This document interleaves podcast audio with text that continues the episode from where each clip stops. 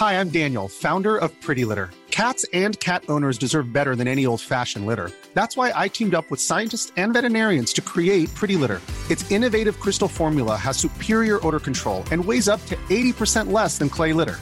Pretty Litter even monitors health by changing colors to help detect early signs of potential illness. It's the world's smartest kitty litter. Go to prettylitter.com and use code ACAST for 20% off your first order and a free cat toy. Terms and conditions apply. See site for details.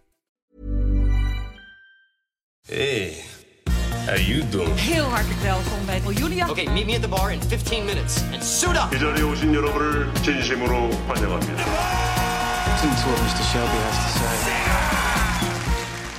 Wat fijn dat je weer luistert naar Content Wars, de podcast over de wereld achter de content. Daar zijn we maar wat blij mee. Mijn naam is Jelle Maasbach en mijn steun en toeverlaat is er ook weer. Formatontwikkelaar Kirsten-Jan van Nieuwenhuizen.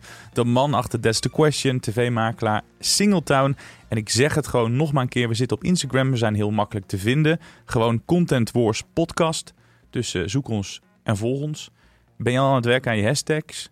Hashtags? Eh, ja, overal. Ik zet overal hashtag achter. Ook in mails naar mensen. Word je persoonlijk al gevolgd of hou je dat een beetje af? Persoonlijk, joh, ik hou eens op. Ik ben zo'n boomer, Jelle. Ik weet helemaal niet wat het is. Ik, als mensen achter je aan zitten, dat is toch als je gevolgd wordt. Deze aflevering hebben we een producent aan tafel. En niet zomaar eentje, maar een van de grootste, nog onafhankelijke producenten van ons land. De man achter programma's als Chateau Meiland. Winnaar van een Gouden Televisiering. Bo 5 Days Inside. Winnaar van een Gouden Televisiering. Maar ook maker van de bekende Meester Frank Visser doet uitspraak. En nog heel veel programma's op SBS. Ja. Vincent de Voert, welkom. Dankjewel. Je hebt hem zo vaak gewonnen. Ja, dit jaar niet.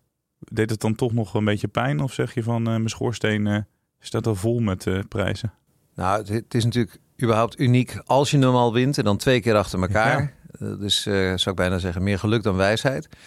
Maar eh, als je daar zit, dan herinner je je heel goed hoe het was om hem te winnen. En dat zijn de meest bijzondere dagen uit je leven, ja. Ga jij daarna nog naar die, eh, naar die evenementen, naar de gala's als de televisiering? Of, of ben je niet meer geweest? Ja? Ja, ik ga elk jaar. Ja, ik vind het een leuke avond. Het is ook leuk om collega's te zien winnen. Je weet wat het betekent. Dus eh, je weet gewoon wat je doormaakt, zowel in de spanning naar de uitslag toe als het dan kunnen eh, ophalen. Dat is echt fantastisch. ja, ik zei het nou al, eh, je bent nog onafhankelijk. Ja. Kirsten benadrukt altijd hoe, hoe bijzonder dat is. Hè? Ja. Hoe heb je dat voor elkaar gekregen? Want ik neem aan dat ze wel eens bij jou voor de poort zijn te rammelen. Zeker. Ehm, en dan eh, drinken we beleefd een kopje koffie en dan zeggen we, we hebben geen interesse. Vooralsnog zeg ik erbij, want je moet natuurlijk nooit de ogen sluiten voor hoe de markt zich gaat ontwikkelen. Maar er is eh, voor mij en mijn vrouw, wij hebben het eh, bedrijf met z'n tweetjes en inderdaad als een van de weinigen eh, in eigendom. We vinden dat zalig. Je hoeft met niemand meer te overleggen, behalve natuurlijk je eigen MT. Wat gaan we doen? Ehm, je kan investeren in wat je wil. Dat hebben we ook heel veel gedaan. met wisselend resultaat. en ja, ik, ik zeg dat bewust, omdat investeren in iets wat vervolgens nergens toe leidt of niet lukt, ja, dat, dan zeg je tegen elkaar, hey, jammer. Maar als er een aandeelhouder in Amerika is en die zegt, waar blijft mijn geld? Waarom heb je het allemaal uitgegeven aan een avontuur in Engeland of eh, iets anders? Ja, dan ineens ga je denken, oh ja, ik moet misschien niet mijn hart volgen, maar een aandeelhouder, nou, dat willen wij niet. Hoe lang? Je, je bestaat nog niet super lang, hè? Volgens mij zeven, acht Negen jaar. jaar. Oh, negen jaar. Maar je bent inderdaad eigenlijk vanaf het begin al heel snel was je heel succesvol. Waarom? Wat maakt je zo succesvol? Wat, zijn jou, wat is jouw geheim? Nou, we hebben het geluk gehad dat wij eh, met een aantal titels eh, een, een langdurig succes hebben kunnen bouwen. Dat weet je nooit van tevoren. Je kan het een beetje hopen. Bijvoorbeeld met meester Frank Visser. Hè, toen hij de overstap naar SBS maakte en wij het programma daar mochten maken. Daar hebben we er inmiddels een 150 van gemaakt. Ja, dat is de basis voor een bedrijf. En toen hebben we een gelukkige hand van kiezen gehad van een aantal andere titels. Five Days Inside noemde je net. Hè, serie 6 zijn we aan het ontwikkelen. Maar ook bijvoorbeeld Steenrijkstraat Arm. Die volgden elkaar eigenlijk vrij snel op. En die kochten wij op de internationale markt van eh, formats. Waar Kirsten meer vanaf weet nog dan ik. En we hadden toen een, eh, een excellente aankoper. Lisette van Diepen, jullie wel bekend. Ja. Die probeer ik nu in mijn eentje te vervangen. Want ze is helaas eh, tijdelijk uitgeleend aan een ander bedrijf. Eh, dat is een grapje, hè? Eh, maar de, zij, zij attenderen ons in een heel vroeg stadium op de interessante formats die niet bij de grote groepen zaten. En daardoor konden wij bijvoorbeeld Steenrijkstraat Arm eh, in een vroeg stadium aankopen. En ook daar hebben we 150 afleveringen van gemaakt. En dat blijft maar doorgaan. Nou, als je die basis onder een startend bedrijf hebt, Mhm. dan kan je uitbouwen. Maar je bent heel bescheiden, dat eh, waardeer ik. Maar op een of andere manier weet je de formats uit te kiezen die gaan scoren. Want ik bedoel, heel veel producenten kijken naar formats. Waar let je op? Wat zijn de, de dingen waardoor jij denkt, dit gaat hem worden? Ja, dat, dat is natuurlijk voor een groot deel onderbuik. Ehm, als ik een voorbeeld eh, pak, een steenrijk straatarm. Dat, dat wilde toen ook weinig zenders hebben, of eigenlijk geen enkele. We hebben het een aantal keer aangeboden, ook aan zender SBS. Was een, was een heel succesvol Engels format, hè? Nee, was toen nog niet op zender. Oh, was nog niet op zender? Nee, was nog niet op zender. Dus eh, het moest in Engeland nog op zender komen. Wij vonden ja. het idee spannend, maar het leek ons onmogelijk het te maken. Nou, Ja. dat, dat vinden we leuk. Dus, dus wij zijn sterk in casten, vinden wij zelf. Het casten van gewone mensen in bijzondere situaties. Nou, Steenrijk Straatarm is daar een voorbeeld van. En ehm, het succes daar is eigenlijk eh, eh, versterkt doordat eh, Talpa, meneer De Mol in der tijd, die had het besteld voor oktober. En het was april, dus we hadden tijd zat om het te maken. Dus we begonnen eens even te kijken of er nog rijke mensen waren in Nederland die wilden meedoen. Nou, dat was bijna niemand. En toen kreeg ik een telefoontje van toen nog zijn eh, eh, baas van de zenders, Karin. En die zei, we willen niet in oktober opzenden, maar eind augustus. Want dan zitten we nog voor het voetbal en dan hebben we nog een kans dat het ineens een succes wordt. Mhm. Nou, ik geloof dat we toen nog twee maanden hadden. Hm. En de meeste producenten denken dan, nou, dat is wel een heel groot risico. Dat doen we niet. Maar eh, mijn vrouw en ik, we waren op vakantie in Frankrijk en de kinderen lagen eh, in het zwembadje. Wij zeiden, dat is goed. En vanaf dat moment zijn we gaan werken op vakantie. En we hebben het net gered, de eerste zes afleveringen. En die, die waren inderdaad een hit. Een miljoen.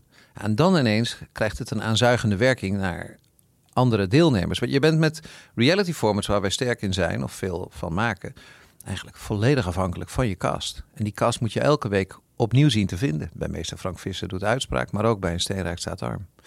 Dus het succes is denk ik het vertrouwen dat je de partners gaat vinden waarmee je het gaat maken. En die partners zijn bijna altijd gewone mensen of experts of special cast. Maar dan vind ik het al bijzonder dat je en onafhankelijk blijft en met je vrouw samenwerkt. Dus je ziet elkaar thuis en dan ook op het werk. Dan moet je relatie sowieso heel sterk zijn, denk ik, dat het eh, dit allemaal eh, doorstaat. Ja, zeker. Dat is zo. En dat, dat, dat weet je natuurlijk niet van tevoren of dat zo gaat werken. Maar ik denk dat onze relatie sterker is geworden door zo hecht samen te werken. Want als ik zo hard had gewerkt en eh, eh, zij was geen partner in het geheel Had ze geweest, het misschien ook niet begrepen. had ze het niet geaccepteerd. Nee. Nee. En eh, je werkt voor de NPO en voor RTL en voor SBS. Maar het meest voor SBS zou je kunnen Ja. zeggen. Is dat bewuste keuze of is Nee. het zo toevallig ontstaan? Dat is zo ontstaan. SBS is een partij die, eh, eh, die, die meer open stond voor onze formats dan anderen. Meiland is daarvan het leukste voorbeeld natuurlijk, hè, want dat hebben we wat breder aangeboden. Maar SBS had er het eerste vertrouwen in.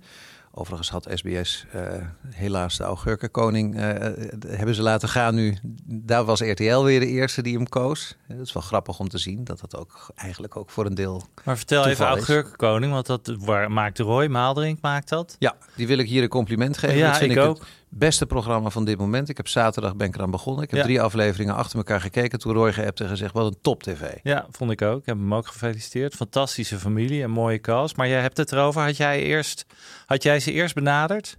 Nee, nee, nee. Eh Augurkenkoning is volgens mij ook breder eh, aangeboden dan RTL. En, en dan is RTL de eerste die het oppakt. Ik, ik voorspel Augurkenkoning nog wel een grote toekomst. Als eh, de televisiering over drie maanden werd gehouden, dan had ik daar mijn geld op Ah, ingezet. oké. Oh ja? Ja, ja. Ja, het Ja. is een leuke serie. Ik vind het ook een leuke serie. Ja, het, zijn, eh, het zijn zulke leuke, kwetsbare, lieve karakters.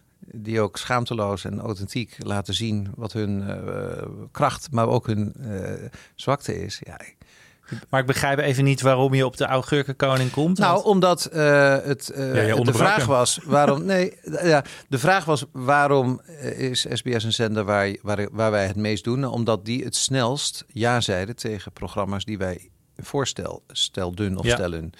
Eh, maar bij de Augurkenkoning bijvoorbeeld heeft RTL het eerst ja gezegd. Dat had even goed op SBS gezeten. Had het op SBS op een dinsdagavond gestaan, of een maandagavond zelfs, dan, eh, dan had dat daar mega gescoord. Dus, eh, maar SBS, om daarop terug te komen, heeft een profiel waar reality heel goed scoort. Mhm. Heeft een programmering die heel flexibel is. Hè, SBS kan echt soms nog wel eens een, een paar maanden voor uitzending denken... nou, we verschuiven iets of we doen iets nieuws. En zoals ik net al aangaf, wij zijn een hele adaptieve producent. Wij hoeven alleen maar aan, onszelf uit te leggen waarom we ineens een sprint gaan trekken of een extra investering doen of een heel groot risico nemen. Want dat is het natuurlijk. Je belooft over acht weken een fantastisch programma te leveren, maar dan moet je het nog wel even maken. En in ons geval ben je dan bijna altijd afhankelijk van mensen met wie je dat gaat doen, als in uh, kandidaten of uh, cast. Ik ken jou al wat langer en ik weet dat jij hebt. Je bent hoog opgeleid, je hebt heel veel interesses, je bent een erudiet mens. En je maakt over het algemeen heel veel succesvolle programma's voor een doelgroep die misschien wel echt iets anders is dan jij bent. Uh, je voelt dat dus toch heel goed aan. Ik heb het even over de SBS-kijker. Die, die acht ik toch een iets andere soort uh, type dan jij. Hoe, hoe voel je dat zo goed aan? Nou, ik, ik, ik, ik wil dat even bestrijden. Ik denk namelijk dat als je, zoals ik, het leuk vindt om van veel dingen iets af te weten. Ik lees negen kranten, ook al probeer ik dat te matigen. Ik merk dat het me eigenlijk ongelukkig maakt. Uh, hè, waar ik mijn kinderen beticht van een TikTok-verslaving, heb ik gewoon een nieuwsverslaving. Ik probeer dat echt te matigen. Maar goed, als je dus heel veel kennis tot je neemt, heb je eigenlijk een heel goed beeld van wat er speelt in de wereld. En wat er speelt in de wereld speelt in de regel voor de grote massa. En wat er voor de grote massa speelt, ja, dat kan op SBS. Ja. Maar dan lees je niet de FT als je een programma voor SBS wil ontwikkelen? Nou, uh, eigenlijk wel. FT is mijn favoriete krant. Uh, die, die lees ik elke dag. Dat is de enige waarvan ik denk, die moet je gelezen die hebben. moet je gelezen hebben, klopt. Uh, en het Parool. Dan weet Financieel ik Dagblad hebben jullie het over? Ja. Nee. Financial Times. Oh, Financial Times. Of het oh, sorry, ik heb het over het FD. FD, oh, FD, ja. ja. FD. ja. ja nee, gelijk internationaal. Maar. Nee, want daar zie je hoe het uh, gaat met de economie. Uh, wat mensen vrezen. mensen vrezen toch dat verandering van hun levensstijl vaak wordt getriggerd door minder beschikbaar geld of zorg of subsidies. Dus ik denk dat een brede kennis van de maatschappij en wat er speelt, dat die juist helpt om een hele grote doelgroep te bedienen. Kijk naar VI. dat, dat is natuurlijk een, een, een, een, programma dat een ongelooflijk brede groep bedient. Eigenlijk met allemaal zaken die iedereen aangaan. Ja. Um, je, je, wat we zeiden, je bent succesvol. Je hebt veel programma's die veel mensen kijken. Wat moet er beter? Wat kan er beter bij je? Nou, je kan altijd meer op zoek zijn naar bijzondere mensen, zoals een Martien Meiland, waarmee je langlopende series kan maken. Uh, Augurkenkoning, we hadden het er net over, is een heel goed voorbeeld. Uh, Urk blijkt heel succesvol als je volhoudt, hè, want die serie die, staat toch ook al een, een flink aantal seizoenen en wordt steeds iets succesvoller. Uh, dus, dus het zoeken naar dat soort speciale karakters, daar kan je eigenlijk nooit te veel maar is het risico niet van, hè, jij, jij zegt ik ben vooral heel erg reality, dat is personality driven. Hè? Um, moet je niet op zoek naar een format? Ja, ja. De, uiteindelijk zijn uh, formats waarin je minder afhankelijk bent van cast uh, natuurlijk ook fantastisch om te hebben. Een aantal hebben we er, of hebben. we vertegenwoordigen het programma um, Vriendenloterij Miljonair. Dat is natuurlijk fantastisch. Het is werelds meest verkochte, meest gemaakte format. Ja. dat is ook heerlijk ben ik met je eens.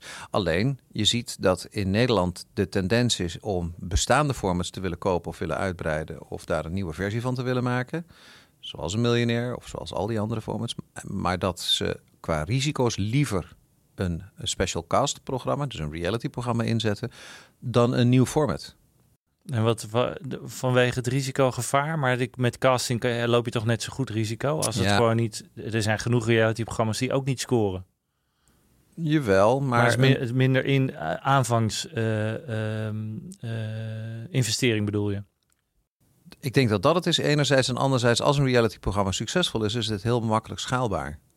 Dus als ze dan zeggen, nou, het deed het zo goed, kan je nog een serie doen over drie maanden. Dan, dan is dat met een beetje goede wil te doen. dus als een reality format succesvol is, dan kan het ook ineens, ik noem net een aantal aantallen, ja. dan kan je ook ineens heel veel gaan produceren. Ja, ja, dat snap ik. Dat is, uh, je, je bent op een gegeven moment, weet ik, had je plannen om in Engeland. Uh, hoe, hoe sta, in Engeland heb jij een, een uh, afdeling of een, een kantoor, sorry, geopend? Klopt, en die is dicht. Ach, ja. oké. Nou, dat wat, is, dus weer... daar, wat is daar misgegaan? Nou, het is gewoon nooit gelukt. Dus we hebben daar twee jaar lang een team gehad, inderdaad, van drie mensen dat ontwikkelde. En overal pitchte, maar de Engelse markt is, eh, dat zul je weten, nog Lastig. veel lastiger. Ja. Lastiger in de zin dat eh, pitchen doe je nooit aan de beslisser. Er zitten soms eh, meer dan drie lagen tussen. In Nederland vaak e- één of twee lagen ertussen, maar daar veel meer. Dus je hebt nauwelijks controle over eh, hoe uiteindelijk in het hoogste stadium tegen jouw format wordt aangekeken. En wij kregen daar geen enkel format echt verkocht. We kregen wel wat eh, eh, pilotprojecten Mhm. en eh, financiering voor wat studiotests. En vervolgens struikelt het dan. Dan is het een van de drie programma's die de BBC op de zaterdagavond had overwogen. Nou ja, dan weet je, als er drie zijn, dan is de kans eh een derde dat je hem wint. En eh, dat kwartje viel steeds de verkeerde kant op. We hadden hetzelfde in Zweden, hadden we ook een team, een groter team zelfs, van een man of vijf. En daar hebben we ook een jaar in geïnvesteerd. En dan gaat het heel hard. Ja, moet allemaal worden betaald. En nogmaals, geen buitenlandse aandeelhouder die zegt, voer je dat mag niet. Maar uiteindelijk kijk je na anderhalf, twee jaar elkaar in de spiegel aan. denk je, nee, dit, dit, dit gaat hem waarschijnlijk gewoon niet worden. En dan is het een nadeel om onafhankelijk te zijn, want dan mis je toch die, die, die zakken met geld eh, Nou die je kan gebruiken. Precies. En dan, eh, dus we hebben de tering naar de nering gezet. En eh, ja, inmiddels anderhalf jaar geleden hebben we gezegd: leuk avontuur, doen we niet. Aan de andere kant, we waren verleid door wat we in België hebben gedaan. Daar zijn we ook een bedrijf gestart, inmiddels vijf jaar geleden. En die eh, doet het fantastisch. Maar het, het hangt volledig af van of je daar iemand hebt zitten die zowel creatief is als zakelijk. Dus die, die ook kan verkopen. Dus alleen aan creativiteit, dan lukt het Nee. niet. Ja, gaan die maar eens vinden. Ja. Dus ben je naast Nederland en België nog ergens anders eh, te vinden? Op dit moment niet. Maar die droom is er wel? Ja, de, de droom is er altijd wel, ja. ja. Alleen het is onbesuist naar de lessen die we geleerd hebben. Want het gaat echt meteen om heel veel geld. Om weer zomaar in een land iets te beginnen. Er zijn twee st- strategieën eigenlijk. Je, of je gaat een partnership aan of je neemt iets over. Hè, wat in dat land zit. Of je begint zelf. En dat was onze strategie. En dan loop je het grote risico, zoals jij net zegt, Jelle. Ja. Dat je niet iemand vindt die alle kwaliteit heeft. Stel, Kirsten is een Duits is heel goed. Heeft goede ideeën. Ja. Zou je met hem in Duitsland het avontuur aan willen gaan? Ja, Kirsten ken ik goed genoeg om ja te zeggen. Maar dan, dan, dan weet ik niet of ik dan eh, mee moet voor het zakelijk deel. Dat zouden we moeten ontdekken. Toch? Eh, Ja, nou, ehm, ik blijf even wat veer in je reet steken, Vincent, als je het niet erg vindt. Want We jij- worden niet gesponsord door Vincent TV. Nee, eh, maar jij, staat bekend als een uitermate goed verkoper. Ehm, eh, en dat is wat je zegt, misschien zeker in de huidige tijd, misschien nog wel belangrijker dan het idee. Ja. Ehm, wat, wat maakt een goede verkoper? dat je levert wat je belooft. En dat wat je voorstelt bereik oplevert. Dus eh, je belooft bereik als producent. Als je het helemaal... Maar dat, belooft, dat beloven ze allemaal. En, en iedereen belooft natuurlijk dat ze gaan leveren eh, wat ze beloven. Alleen vaak lukt dat gewoon niet. Dus dat zal jou ook niet altijd lukken. Maar ik zeg altijd, de verkoop eindigt eigenlijk pas bij de kijkcijfers van de laatste aflevering. Dus je hebt een idee, daarmee ga je naar een zender. Dan zeg je, dit kan ik maken voor een budget X, eh, op termijn eh, zoveel. En dan vervolgens komt eh, een eerste aflevering, die beoordeel je met elkaar. Die pas je nog enigszins aan, dan kom je op zender. Ja, dan zijn de kijkcijfers, en vallen misschien tegen. Dan moet je gaan nadenken, hoe kunnen we nog binnen de tijd die we hebben... ervoor zorgen, is dat nou marketing, is dat casting, is dat productiekwaliteit... Ehm, is het cross-promotie op andere platforms van eh, je uitzendpartner. En pas als je een zes tot acht afleveringen hebt uitgezonden, de laatste aflevering is ook vaak substantieel beter en anders dan de eerste. Ja, dan kan je zeggen of iets geslaagd is. En, en je moet het echt zien als een samenwerking met je klant. Tot het laatste moment. Marketing is essentieel, zeker bij eh, streamers. En, en die marketing komt niet uit de producent, die komt uit je klant. Dus als de klant eh, eh, eh, heel bekwaam is in het in de markt zetten van een titel, dan ben je al halverwege. Maar denk je daar veel over mee ook? Nou, eh, meestal is het de kerncapaciteit van de klant. Dus een SBS weet prima en een RTL hoe ze iets moeten promoten. NPO uiteraard ook.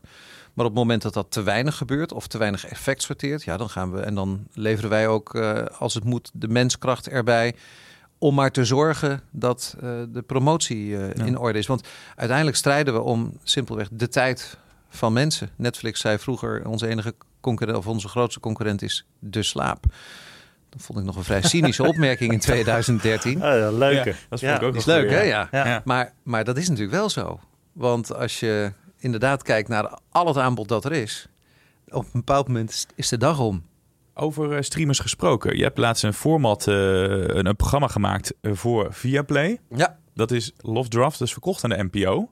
Hoe ging dat? Want we weten, we hoeven het niet meer over de problemen bij Viaplay te hebben. Er zijn problemen, er zijn, hè, ze gaan nu kijken naar de toekomst van het bedrijf. Ja, ze hebben een, ja, een kwartaalcijfer zelfs Uitgesteld, uitgesteld. ja, met een maand. Ehm, dus ja, het is maar de vraag van, wordt het bedrijf in stukken opgeknipt? Of, nou, dat, we weten het niet op dit moment. Wat we wel weten is dat jouw kindje in één keer bij de NPO te zien was. Hoe gaat dat in zijn werk? Daar was ik benieuwd naar. Word je dan opgebeld van Vincent, toch niet bij Viaplay, maar nu bij, bij de NPO? Nou, het, het, het was denk ik midden juli toen duidelijk werd dat Viaplay financiële problemen had. Die Mhm. moesten ze acuut oplossen door, eh, naar ik meen, 700 mensen in Europa te laten gaan. van Toen de hadden jullie het al dag. gemaakt, hè? Toen was het al af. Ja. Dus hij was ingeleverd, het was helemaal klaar. Dat gold ook voor Dragon's Den. Ja. Eh, dus die series lagen op de schap. En toen eh, zei Viaplay, wij gaan ons volledig focussen op sport. En wij gaan niet meer uitzenden wat we al hebben besteld. We gaan ook niet meer laten maken wat we hebben besteld. We hadden ook nog een drama-serie, een hele grote, die twee weken later in opname zou gaan. Eh, dat, was, dat was eigenlijk het meest tragische. Die zijn we gewoon kwijtgeraakt. Wat erg, ook voor al die mensen die eraan meewerken. Zeker, ja. ja. Twee Via- weken voor het begin. Twee we zaten in de zomerbreak, dus de repetities waren geweest. Eh, maar goed, iedereen is gecompenseerd eh, eh, door Viaplay. Dat moet ik zeggen, dat hebben ze netjes gedaan. Eh, ondanks de financiële stress die er was of is. Mhm. Maar die andere twee series, daarvan zeiden ze... zou juist willen kijken of die in de Nederlandse markt een andere plek kunnen vinden. Want zowel voor de deelnemers enerzijds... Hè, Dragon's Den, de pitchers of Love Raft, de kandidaten... en anderzijds, dan kunnen wij misschien nog wel iets terugkrijgen van onze investering. Ja. Eh, en dat is gelukt. De NPO vond eh, direct deze twee series interessant. En die hebben de licentie als het ware overgenomen. En waarom hebben ze ervoor gekozen om Love Raft alleen maar tot nu toe althans op de streamer te zetten? Nou, ik denk eh, dat het eh, bij uitstek een, een, een, een variant is in een genre waar de NPO nog, nog, nog wat te winnen had. Dus het is in de dating reality. Nou, Ja. Dan zit je met Temptation Island en alle varianten daarvan al gauw in, in wat op zijn minst commercieel voelt, maar ook soms ver afstaat van publieke waarde. Love Raft zat nog helemaal aan de andere kant van het spectrum. Wat gebeurt er als je tien jonge mensen eh, zonder telefoon op een vlot zet? Ja. Eh, dat is toch echt wat anders. Eh, in, de andere, in de andere hoek zit je dan. En voor hen was het en is het de kans om te kijken hoe kan dat genre op de NPO een kijkersgroep bedienen. En de eerste indicaties, ik kreeg 24 uur na afloop al het signaal dat het een groot succes zou zijn. Ik heb verder nog helemaal geen cijfers. Ik zag wel dat hij in de top eh, 10 steeds staat. Ehm, maar het schijnt dus dat hij het heel goed doet. Dat verbaast me ook niet, want het is Het natuurlijk is mooi. Het Een ziet er genre, mooi ja. uit. ja, even los van de kwaliteit. Het Ja. is een genre waar, waar mensen niet genoeg van kunnen krijgen. Het ziet er inderdaad prachtig uit. Viaplay had enorm geïnvesteerd in, Ja. eh, in het project. En ehm, ik, ik kijk enorm uit naar de cijfers die ik hopelijk eh, de komende weken ga krijgen. Vond je het jammer dat, het, dat ze niet lineair gingen ermee? Nee, helemaal niet. Je vond het wel een goed plan eigenlijk. Absoluut. Ja, nee, ik vind dat juist, dat, vind ik heel erg leuk. Dus iets nieuws proberen. Ik ben ook helemaal niet bang om te falen of om erachter te komen dat iets niet werkt. Want eh, als je partner, in dit geval een NPO, dat ook met open vizier doet, dan is het alleen maar goed om te ontdekken hoe Ja. werkt dit. Zeg jij eigenlijk hiermee, dat vind ik wel interessant, dat de NPO misschien weer open staat voor andersoortige programma's dan alleen maar programma's met maatschappelijke eh, relevantie? Want dat is misschien, hè, dat zeg je net ook een beetje, met Love Raft is er niet meteen heel duidelijk een, een maatschappelijke relevantie wat de NPO op hun lineaire zenders wel willen uitstralen. Denk je dat, het, dat NPO Start ruimte maakt voor ideeën die misschien gewoon leuk, goed entertainment zijn? Nou, ik zou het net anders willen formuleren. Ik denk dat NPO Start inderdaad open staat voor ideeën die entertainend zijn en een grote doelgroep bedienen, mits ze een maatschappelijke of een publieke waarde vertegenwoordigen. En, dat, en die publieke waarde in dit geval is hoe is het om je volledig te concentreren op een eh, belangrijke behoefte, namelijk ik zoek een partner als je niet wordt afgeleid door alle moderne verleidingen. Eh, en, en ik vind dat een, eh, een verstandige focus als de opdracht is: zorg voor publieke waarde in je formats. Dus dan, dan zijn er ook niet zo heel veel dating reality programma's die geschikt zijn voor je platform. Ehm, terwijl de jonge doelgroep eh, kan natuurlijk uitstekend worden bediend bij de NPO. NPO heeft het allergrootste archief, heeft het grootste aanbod, maar heeft ook misschien wel de beste marketingmachine, om het zo te noemen. Ja, vind je? Tuurlijk, RTL en SBS hebben... Als je zenders hebt, lineaire zenders, heb je een uitstekende marketingmachine. Maar is, is juist niet het probleem op het moment bij NPO dat ze heel veel programma's slecht weten te marketen, slecht in de markt zetten? Want eh, NPO 1 scoort misschien wel, heeft heel zwaar op het moment. NPO 3 verschrikkelijk moeilijk, scoort weinig cijfers. Heel veel programma's worden niet opgemerkt door kijkers. Is er juist niet een heel groot probleem met hun marketing? Nee, maar dan zou je stellen dat alles wat ze nieuw proberen, want de, dingen die niet scoren of onvoldoende scoren, zijn allemaal nieuw, dat, dat, dat nieuwe dingen niet meer mogen falen. Maar dat geldt natuurlijk even goed voor eh, SBS en RTL. En als je kijkt naar de uitgestelde kijkerscijfers, dus na een week, dan valt, valt de schade links en rechts echt nog wel mee. Dus eh, nee, op individuele titels pak eh, een, een, hoe heet het ook alweer, een eh, ehm, biohack Ja, project. Dat is gewoon te niche Ja. voor eh, dat tijdstip. Voor, in ieder geval voor NPO 1. Ja. Ja, hetzelfde zou je ook kunnen zeggen eh, van Dragon's Den. Prachtig gemaakt programma. Score, op vrijdagavond is niet de ideale avond, maar goed, ge- gegeven de omstandigheden zijn we heel blij dat het daar staat. En daar doet hij wel in de doelgroep, hè, dus hoger opgeleide mannen doet hij 20%. Maar in de breedte doet hij Nee. gewoon lager dan dat je daar zou willen. Ik vind het wel nog steeds echt een heel leuk programma om te kijken. We kijken het thuis ook. Alleen het is inderdaad misschien eh, net niet op dat moment voor, voor, die, voor die doelgroep. Daarop aanhakend, want Love Raft is, Raft is eh, eh, zo gebleven volgens mij. Zoals als ik uit je, uit je Ja. woorden opmaak. Ongewijzigd. Ehm nou wordt zo'n Dragon's Den verkocht aan de NPO. Heb je dan nog zeggenschap als de wijzigingen worden gedaan? Of moet je daarbij neerleggen? Nee, nou, nou, de enige wijziging die eh, eh, is doorgevoerd is dat Jort Kelder de voice-over voice-over, deed. Er ja. zat een andere voice-over op, maar eh, dat is de enige wijziging. En ja, daar worden we in gekend, maar daar ben ik Ja. het ook natuurlijk wel mee eens. Ja, het was wel lekker om Jort Kelder weer eh, Absoluut. te horen. Ja. Hoe, hoe zorgde je ervoor dat bij eh, Dragon's Den de pitches sterk genoeg waren? Want dat is altijd in Nederland een probleem geweest ook en nog steeds. Dat je weinig mensen vindt, makkelijk mensen vindt, zou ik maar zeggen, om die, die goed kunnen pitchen. Ja, Heb je ze getraind? We repeteren goed met ze, inderdaad. Eh, twee dingen zijn er eigenlijk belangrijk. Kom snel tot de kern. Eh, dat, dat kan je oefenen. Het is net als dat je een spreekbeurt op school moet houden. Waar gaat het over? En eh, wat wil je ervoor hebben? En twee, maak het visueel. Dat is belangrijk voor tv. Dus ehm, eh, het lastig zijn dan mensen die een app hebben ontwikkeld... die Ja. iets geweldigs doet.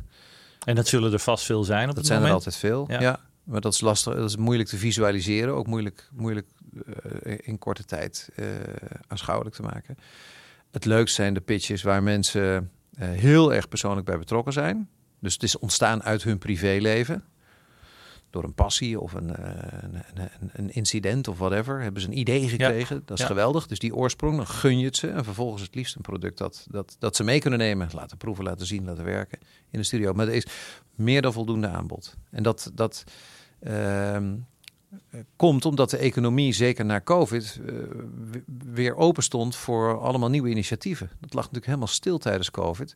Dus er was juist een enorme behoefte na COVID om, om weer de kans te krijgen op financiering. En als je nu kijkt, eh, financiering krijgen voor startende, maar ook bestaande bedrijven is eh, bijna onmogelijk geworden. Ja. Er is echt weer een credit crunch Ja. vrees. Oftewel, niemand krijgt meer geld als je het nodig hebt van de bank. Ja, dat is heel vervelend. Ja, dan zijn Dragons natuurlijk wel het eh, type eh, mens of instituut dat een bedrijf verder kan helpen. Ze spenderen ook gewoon eh, serieus eh, geld. Het is fijn dat ik Vincent ook een keer voor BNR kan gaan interviewen. Oh, absoluut. Ja. Zijn er nog programma's die jij heel graag wil maken? We hebben het een beetje over gehad. Zeker. Zie je ogen helemaal twinkelen. Ja, absoluut. Ik wil heel graag eh, weer een muziekprogramma maken. Toen ik nog met Kirsten samenwerkte, 15 jaar geleden of wat was het. Eh, heb ik Ali B op volle toeren ontwikkeld. Eh, dat, is een, een- dat was een heel lief, mooi, Ja, intiem programma. Super, programma, super format ook. Leuk format. Heeft ook in negen Ja. landen gedraaid uiteindelijk. Ja. Ik heb ook grotere muziekprogramma's in de studio gemaakt. eh. Maestro ben jij. Je bent Maestro degene die ik, achter eh, Maestro zit. Klopt, ja. ja. Heb jij naar Nederland gehaald, toch? Ja, en helaas is er nog, is er naast Maestro op dit moment nog geen vraag naar meer klassieke muziekprogramma's. Tel heeft natuurlijk wat gedaan, maar in, in, in de hoek van de muziek ben ik een aantal dingen aan het ontwikkelen. Kost allemaal heel veel tijd. Ja.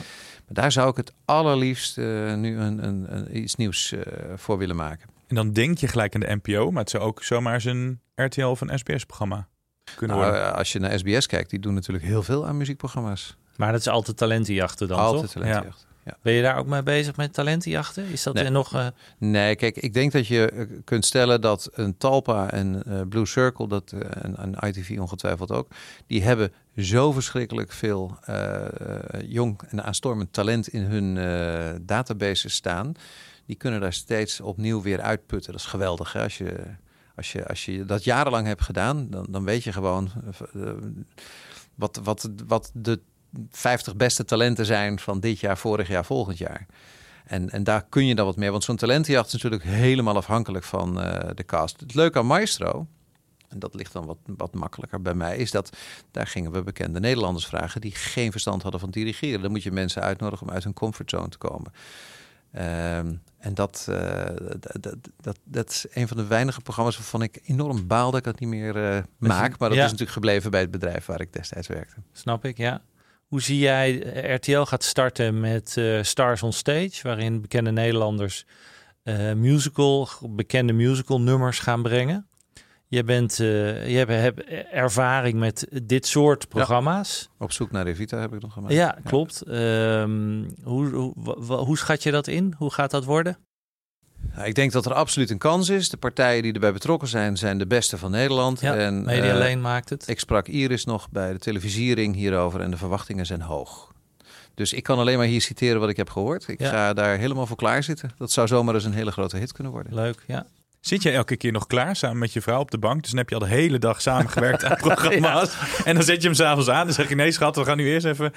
Wordt er gevochten? Wie is, hoe is in charge Naar- naar of the wel- remote? naar welk dat is de programma- naar welk eerste programma- belangrijke vraag. Wie, wie bepaalt wat er gekeken wordt? Eh, Is dat je vrouw?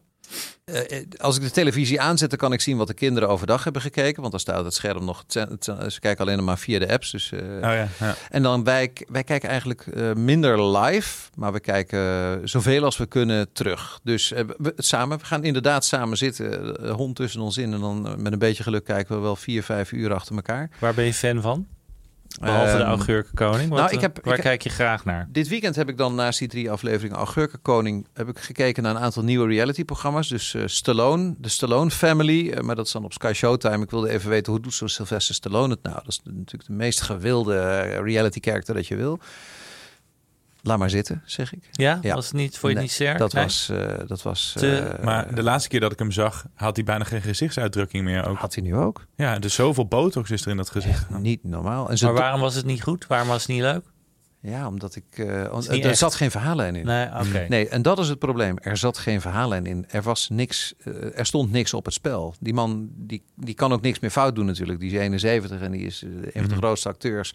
Drie prachtige dochters. Dus het, het ging een beetje om zijn familie en zijn dochters eh, en het leven in, in, eh, in eh, Los Angeles. Het enige leuke vond ik dat El Pacino met hem ging lunchen. En El Pacino was een heel lief, eigenlijk een heel lief oud mannetje geworden. Ja. Want, eh, ja, Heel ja, ja. klein, Ja, ja. ja, ja. In de Geweldig. 80 met een vriendin van 29. Ongeschoren zat hij daar te kletsen.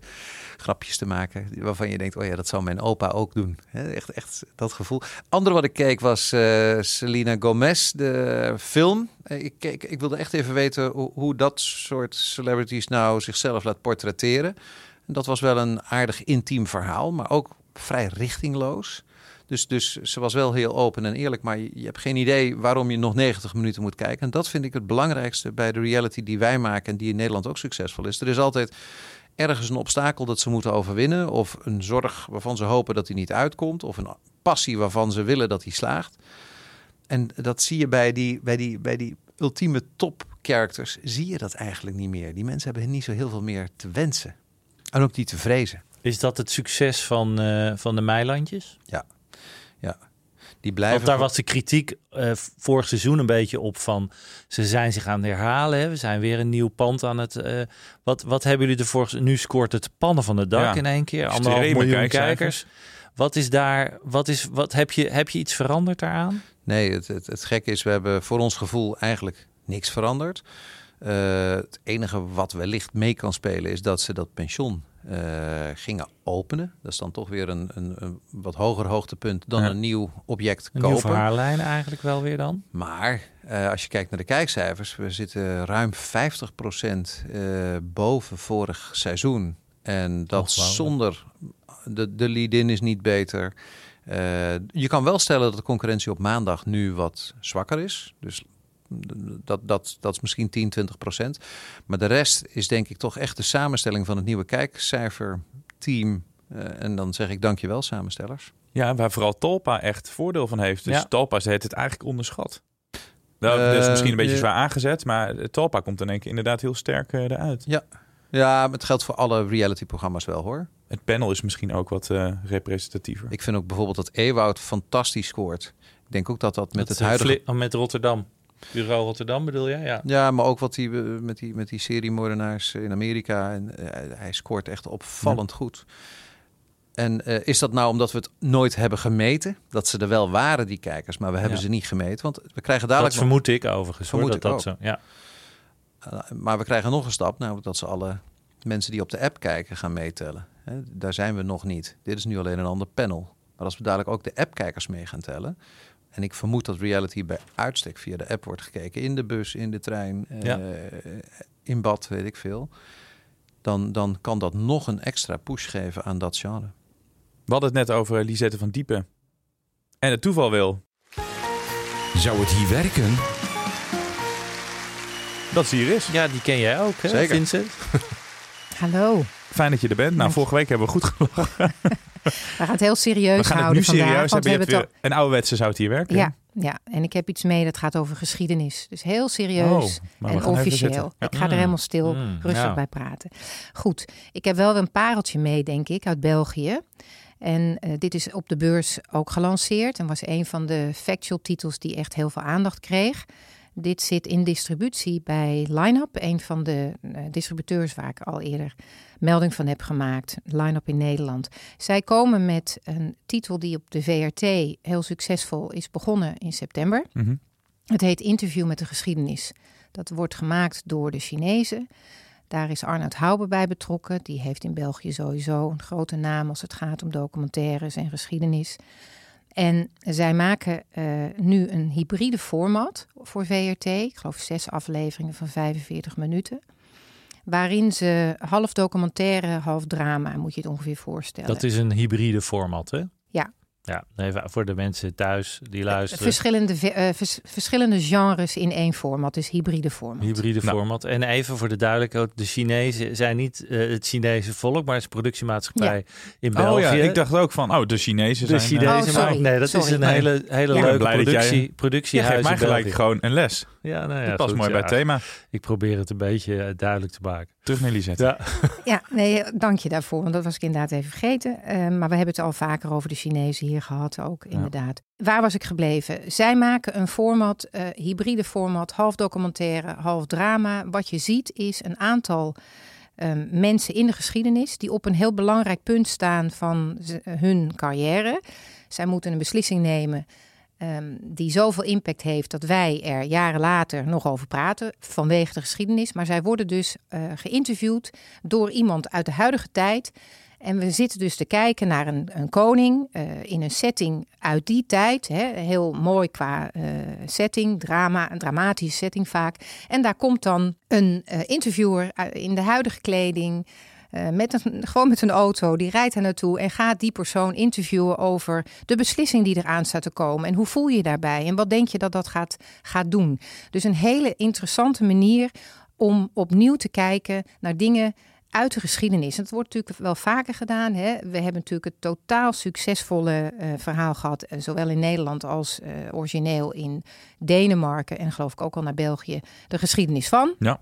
Het verhaal van. Het verhaal van... Het Het verhaal, van, Nederland. ja. Nederland. En dat komt origineel uit Denemarken, waar het ook een heel groot succes was. We kennen Drunk History. eh, ook een hele leuke andere manier om te kijken naar Ja. geschiedenis. Ik werd heel blij van dit format. Het gaf rust in alle hysterische dingen die we de afgelopen periode eh, hebben kunnen zien op televisiegebied. En ehm, daarom wil ik hem vandaag noemen. Interview met de geschiedenis, VRT, de Chinezen. Ja, heel leuk. Nou ja, je ziet inderdaad dat door het, het grote succes van het verhaal van zie je dus dit soort formats ontstaan ook, die op een andere manier geschiedenis aanvliegen. Hele leuke insteek natuurlijk om een, een koning in 16 zoveel te laten interviewen van eh, eh, op een, bekende keuze. Een lastig format om te maken, want het, het is natuurlijk heel eh, ja, gescript is het natuurlijk grotendeels. Mhm. Dus, of grotendeels volledig. Ehm, gaat het hier werken? Dat is natuurlijk de, de, de vraag. Het, probleem in Nederland is het verhaal van eh, dat eh, we gaan het verhaal van Oranjes krijgen, eh, meen ik binnenkort. Ehm, eh, is er dan nog ruimte voor zo'n format als dit? Ik denk dat dat het grootste probleem is. Want met het verhaal van Nederland en het verhaal van de Oranjes die we gaan krijgen, heb je al heel duidelijk gekadreerd van we doen iets groots met geschiedenis. Kunnen we dan nog zo'n format als dit doen? Dat is de grote vraag natuurlijk.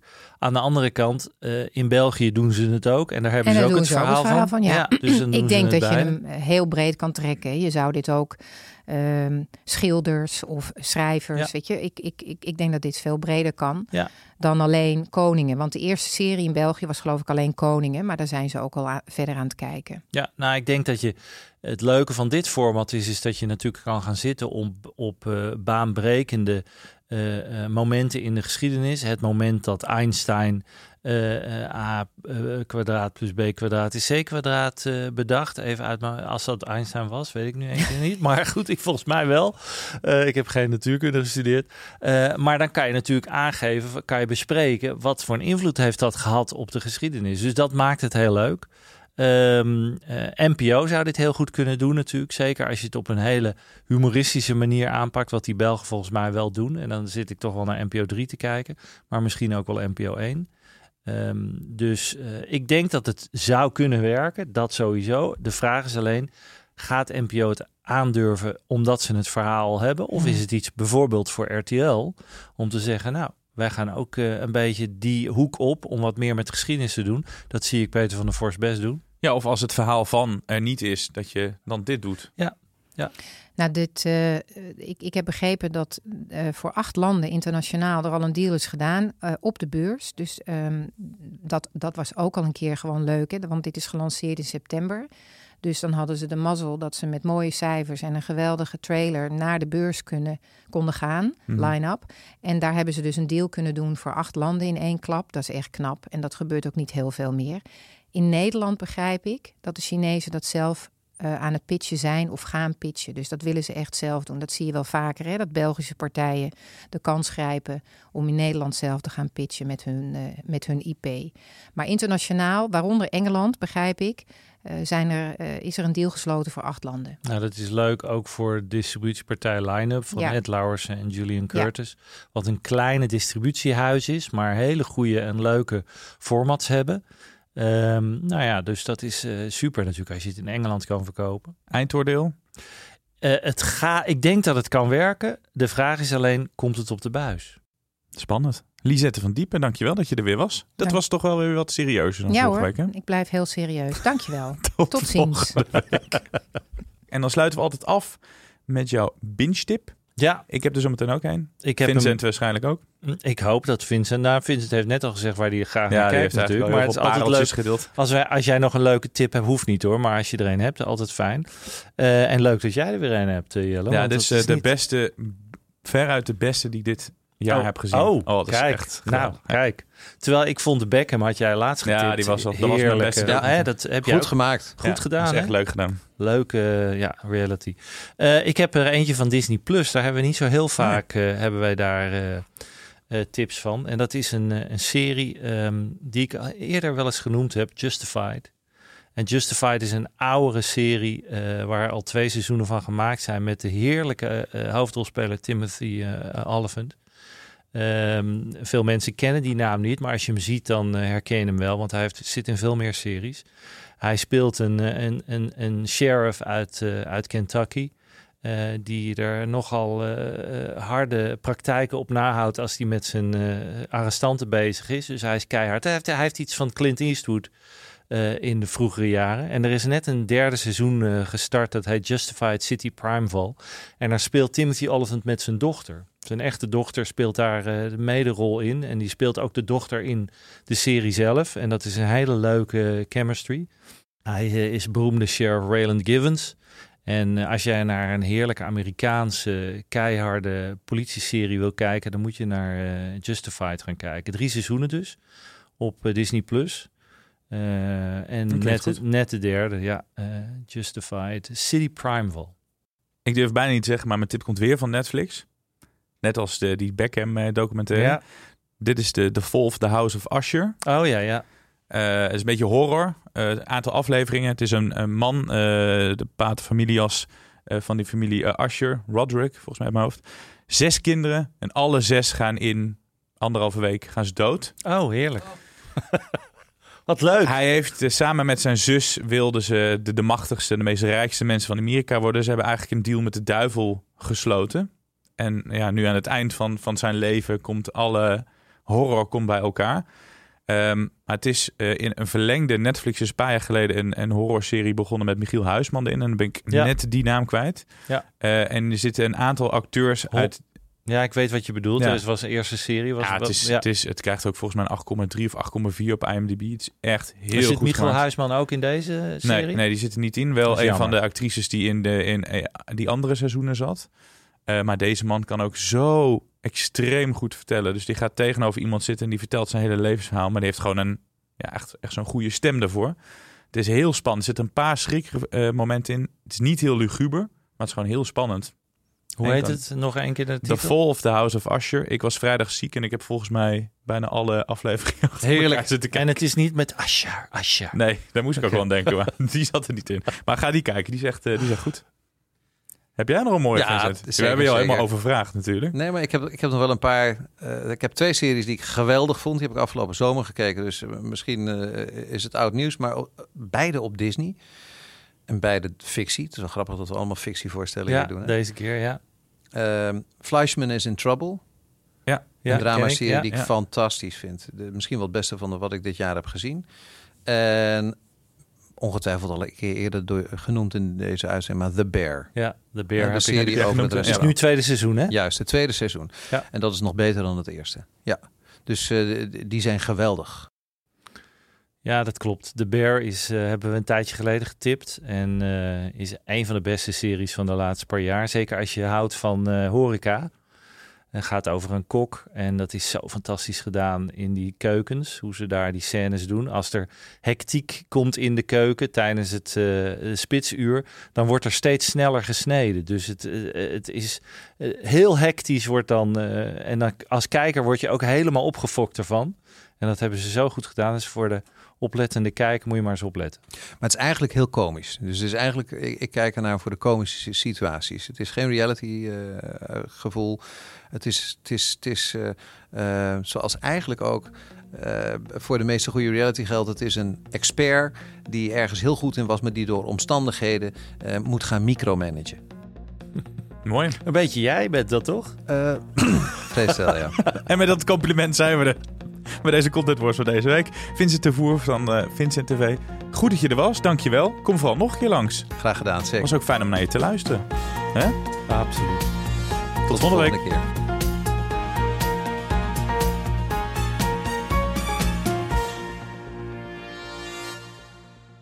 Ben jij content met deze content? Vergeet je dan niet te abonneren op Content Wars.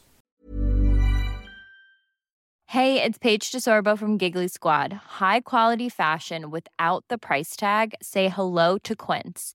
I'm snagging high-end essentials like cozy cashmere sweaters, sleek leather jackets, fine jewelry, and so much more. With Quince being 50 to 80% less than similar brands. And they partner with factories that prioritize safe, ethical, and responsible manufacturing. I love that. Luxury quality within reach. Go to quince.com slash style to get free shipping and 365 day returns on your next order. Quince.com slash style.